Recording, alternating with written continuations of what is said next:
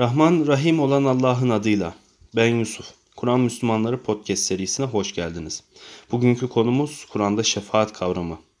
Maalesef ehli sünnet, şia, vahabilik ve selefilik gibi Allah yolundan ayrılmış mezheplerin suistimal ettiği, anlamını tahrif ettiği ve farklı yönlere çektiği, torpilcilik, adam kayırmak, Allah'ın hesap gününe ortak koşmak gibi manalara devşirilmiş olan şefaat konusunda siz değerli kardeşlerime bazı açıklamalar yapmak istiyorum. Kur'an'da öncelikle gelelim şefaatle ilgili ayetlere birlikte göz atalım. Zümer suresi 38. ve 39. ayete okuyorum. Bismillahirrahmanirrahim. Yoksa Allah'tan başka şefaatçiler mi edindiler? De ki onlar hiçbir şeye güç yetiremezler ve akıl erdiremeseler de mi? De ki bütün şefaat Allah'ındır. Göklerin ve yerin mülkü O'nundur. Sonra hep O'na döndürülüp O'na götürüleceksiniz. Sadakallahu lazım. Şimdi bu ilk ayetimizde hemen ben isterseniz peşin sıra diğer ayetleri de okuyayım. Rum suresi yani Romalılar 12-14. ayetler. Bismillahirrahmanirrahim. Kıyamet koptuğu gün suçlular umutsuz kalıverirler. Koştukları ortakları kendilerine şefaatçiler olmadılar. Ortaklarını inkar ederler. Kıyamet koptuğu gün işte o gün darmadağın olurlar. Enam suresi 51. ayeti okuyorum. Bismillahirrahmanirrahim. Rablerini toplanacaklarından korkanları Kur'an ile uyar. Ondan başka hiçbir dost ve hiçbir şefaatçileri yoktur. Allah'tan sakınmaları umulur. Enam suresi 51. ayette bu. Bakara suresi 48. ayet okuyorum. Bismillahirrahmanirrahim. Kimsenin hiç kimseye hiçbir şey yapamayacağı, kimseden hiçbir şefaatin kabul edilmeyeceği, kimseden hiçbir fidyenin alınmayacağı ve yardım görünmeyeceği günden sakının. Şimdi size 1, 2, 3, 4 tane ayet okudum. Bir Müslüman veyahut da Müslüman olmasını geçtim. Bir insan evladı, hatta uzaylı da olabilir. Hatta IQ'su 80 üzeri olan bir primatı getirin. Şu ayetleri okuyun. Sonra kendisine şu soruyu yöneltin. Şefaat var mıdır? Eğer adam şu ayetleri okuduğu halde ama ile başlayan herhangi bir cümle kuruyorsa o insanla olan iletişiminizi derhal kesin. Bu kadar açık, net ve kesin olarak açıklanan bu ayetlere hala inkar derecesinde karşılık veriliyorsa o insan anlatacağınız hiçbir şey kalmamış demektir. Hala ama efendim işte peygambermiş, şeyhmiş, müritmiş, evliyaymış, Allah dostuymuş diye zırvalayan insanlar Allah'ın şu ayetlerini inkar ediyordur.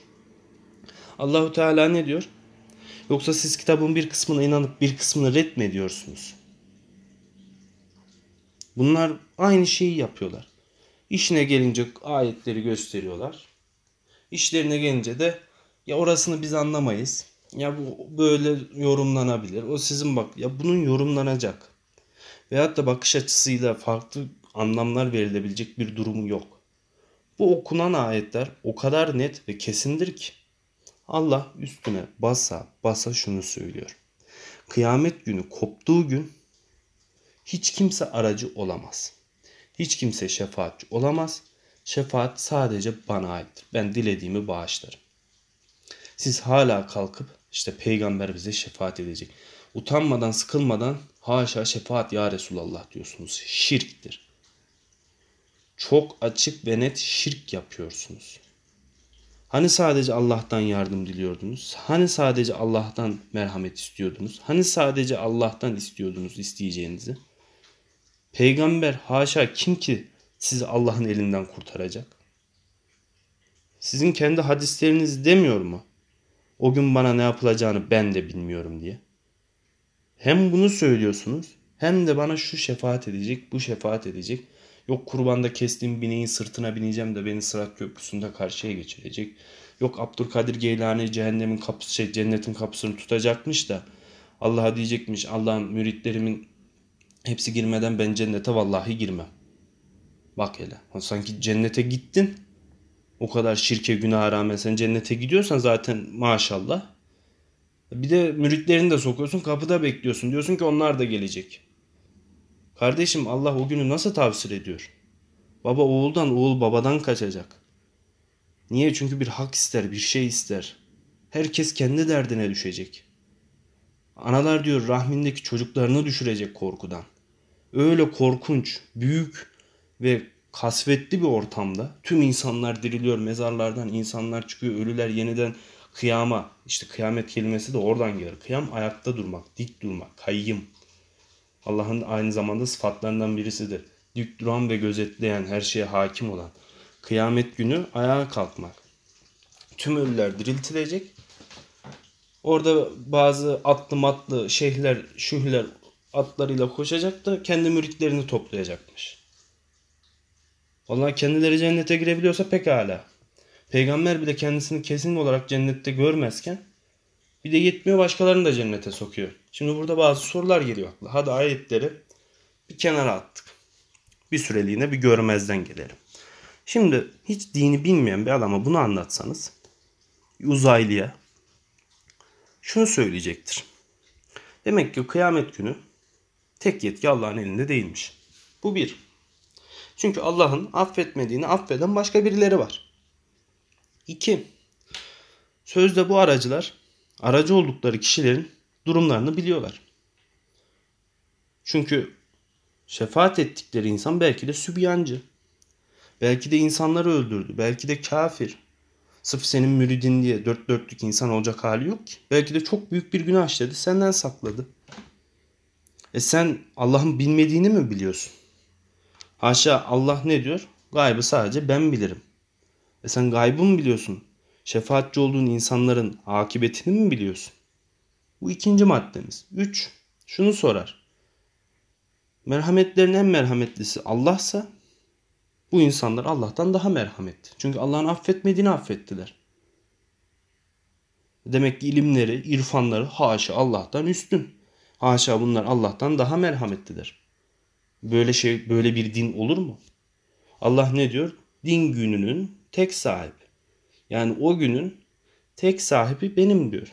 Ve o gün hiçbirinize en ufak haksızlık yapılmayacak ve Allah hesabı çabuk görendir diyor. Kimse kimseye aracı olmayacaktı üstüne basa basa söylüyor. Şefaatçi kabul edilmeyeceğini söylüyor. Hatta farklı ayetlerde dünya kadar altın verseniz ve bir o kadarını da daha verseniz kabul edilmeyecek diyor. Çünkü mülk zaten Allah'ın. Kimin malını kime fidye veriyorsun. Hiçbir aracı, fidye veyahut da farklı bir şey öne sürülmeyecek. Hatta sevgili kardeşlerim o gün kafirler şunu söyleyecek. Allah'ım biz şeytan uyduk. Bize bunları şeytan yaptırdı.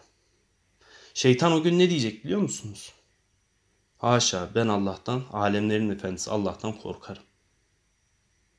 Şeytan bile Allah'tan korkarım diyor. İmtina ediyor o gün. Ama siz maşallah o gün at koşturuyorsunuz, uçuyorsunuz, zıplıyorsunuz. Minarelerden atlayıp Mekke'lere ışınlanıyorsunuz. Yani bildiğiniz bir e, mitolojik din yaratıyorsunuz kendinize. Halbuki sünnetullah dediğimiz şey Allah'ın sünnetidir. Ve yeryüzündeki maddeleri de yaratan ve bu maddeleri belli bir kurala göre, belli bir düzene göre yaratan da Allah'ın kendisidir. Belli mucizevi durumlar dışında her şey Allah'ın verdiği emre göre hareket eder. Örneğin su 100 derecede kaynıyorsa 100 derecede kaynar. Bir adam 100 metreden düştüğünde ölüyorsa ölür. Çok istisnai durumlar dışında Rabbinizin dilemesiyle bazı istisnai durumlar buna biz mucize deriz. Aciz bırakan o kökten gelir. İnsanların inanmaları için belki doğru yola bulmaları için bu tarz mucizeler gösterilir. Ama onun dışında yok ben gaybı biliyorum. Yok ben işte sizi gözetliyorum. Yok işte ben sizin yatağınızda olanı bilirim. Yok işte ben sizi bana talim, e, talim olun ben sizi korurum kurtarırım diyen adamlar din tüccarıdır. Bu insanlardan uzak durun. Bakın bugün bazı tarikatlar var. Menzil tarikatı bunlardan mesela en çirkin ve en pis olanlarından birisi. Gidiyorsun Adıyaman'a tövbe etmeye şeyhin yanına. Şeyh senin eline bir ip veriyor. Tüm cemaat etrafına toplanıyor tövbe ediyorsun. Ya hani sadece biz Allah'tan merhamet diliyorduk. Niye şeyhin ayağına gidip de tövbe ediyorum? Şeyh kim ki bana Allah'la aracılık ediyor? Allah bana demiyor mu? Ben size şah damarınızdan daha yakınım diye. Bu aracılık maalesef müşrikliğin en çirkin hallerinden birisidir. Bakın Mekkeli müşrikler deriz biz. Mekkeli kafirler, Mekkeli ateistler, Mekkeli deistler, e, Mekkeli ne bileyim e, putperestler demiyoruz. Mekkeliler Allah'a inanıyorlar zaten. Rivayetlerde söylenen nedir? Bunu bilemeyiz ama peygamberimizin babasının adı Abdullah denir mesela. Abdullah ne demek? Allah'ın kulu demek. Bunlar zaten İslam'ı bozmuşlar ama Allah'ı bilen insanlardı. Ve Allah peygamberi onlara siz bu putlara niye tapınıyorsunuz dediği zaman onlar kalkıp şey demediler ya biz putlara tapınmıyoruz ki ne alakası var demediler. Tam tersi şunu söylediler. Biz bunlara tapınıyoruz. Çünkü bunlar bizi Allah'a yakınlaştırıyor. Bugünkü şefaat mantığıyla Mekkeli müşriklerin putlara tapmasının mantığı aynıdır. Bugün gidin bir tarikatçıya deyin ki sen niye şeyhine tapıyorsun? Haşa ben şeyhime tapmıyorum. Ben ona hizmet ediyorum ki o beni Allah'a yakınlaştırsın, şefaat etsin bana. Aynı mantığın, aynı zehrin, aynı küfrün vücut bulmuş halidir. Aralarında hiçbir fark yoktur. Mekkeli müşrikler kafir değildi.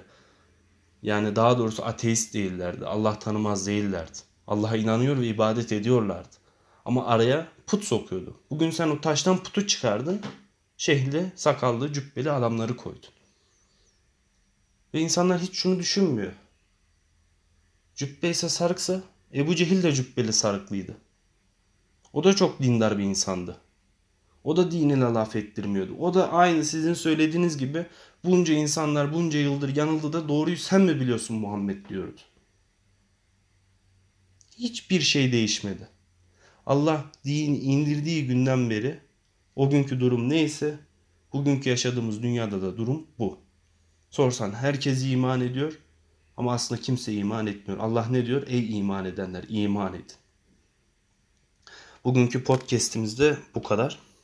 Bir sonraki bölümde görüşmek üzere. Allah'a emanet olun.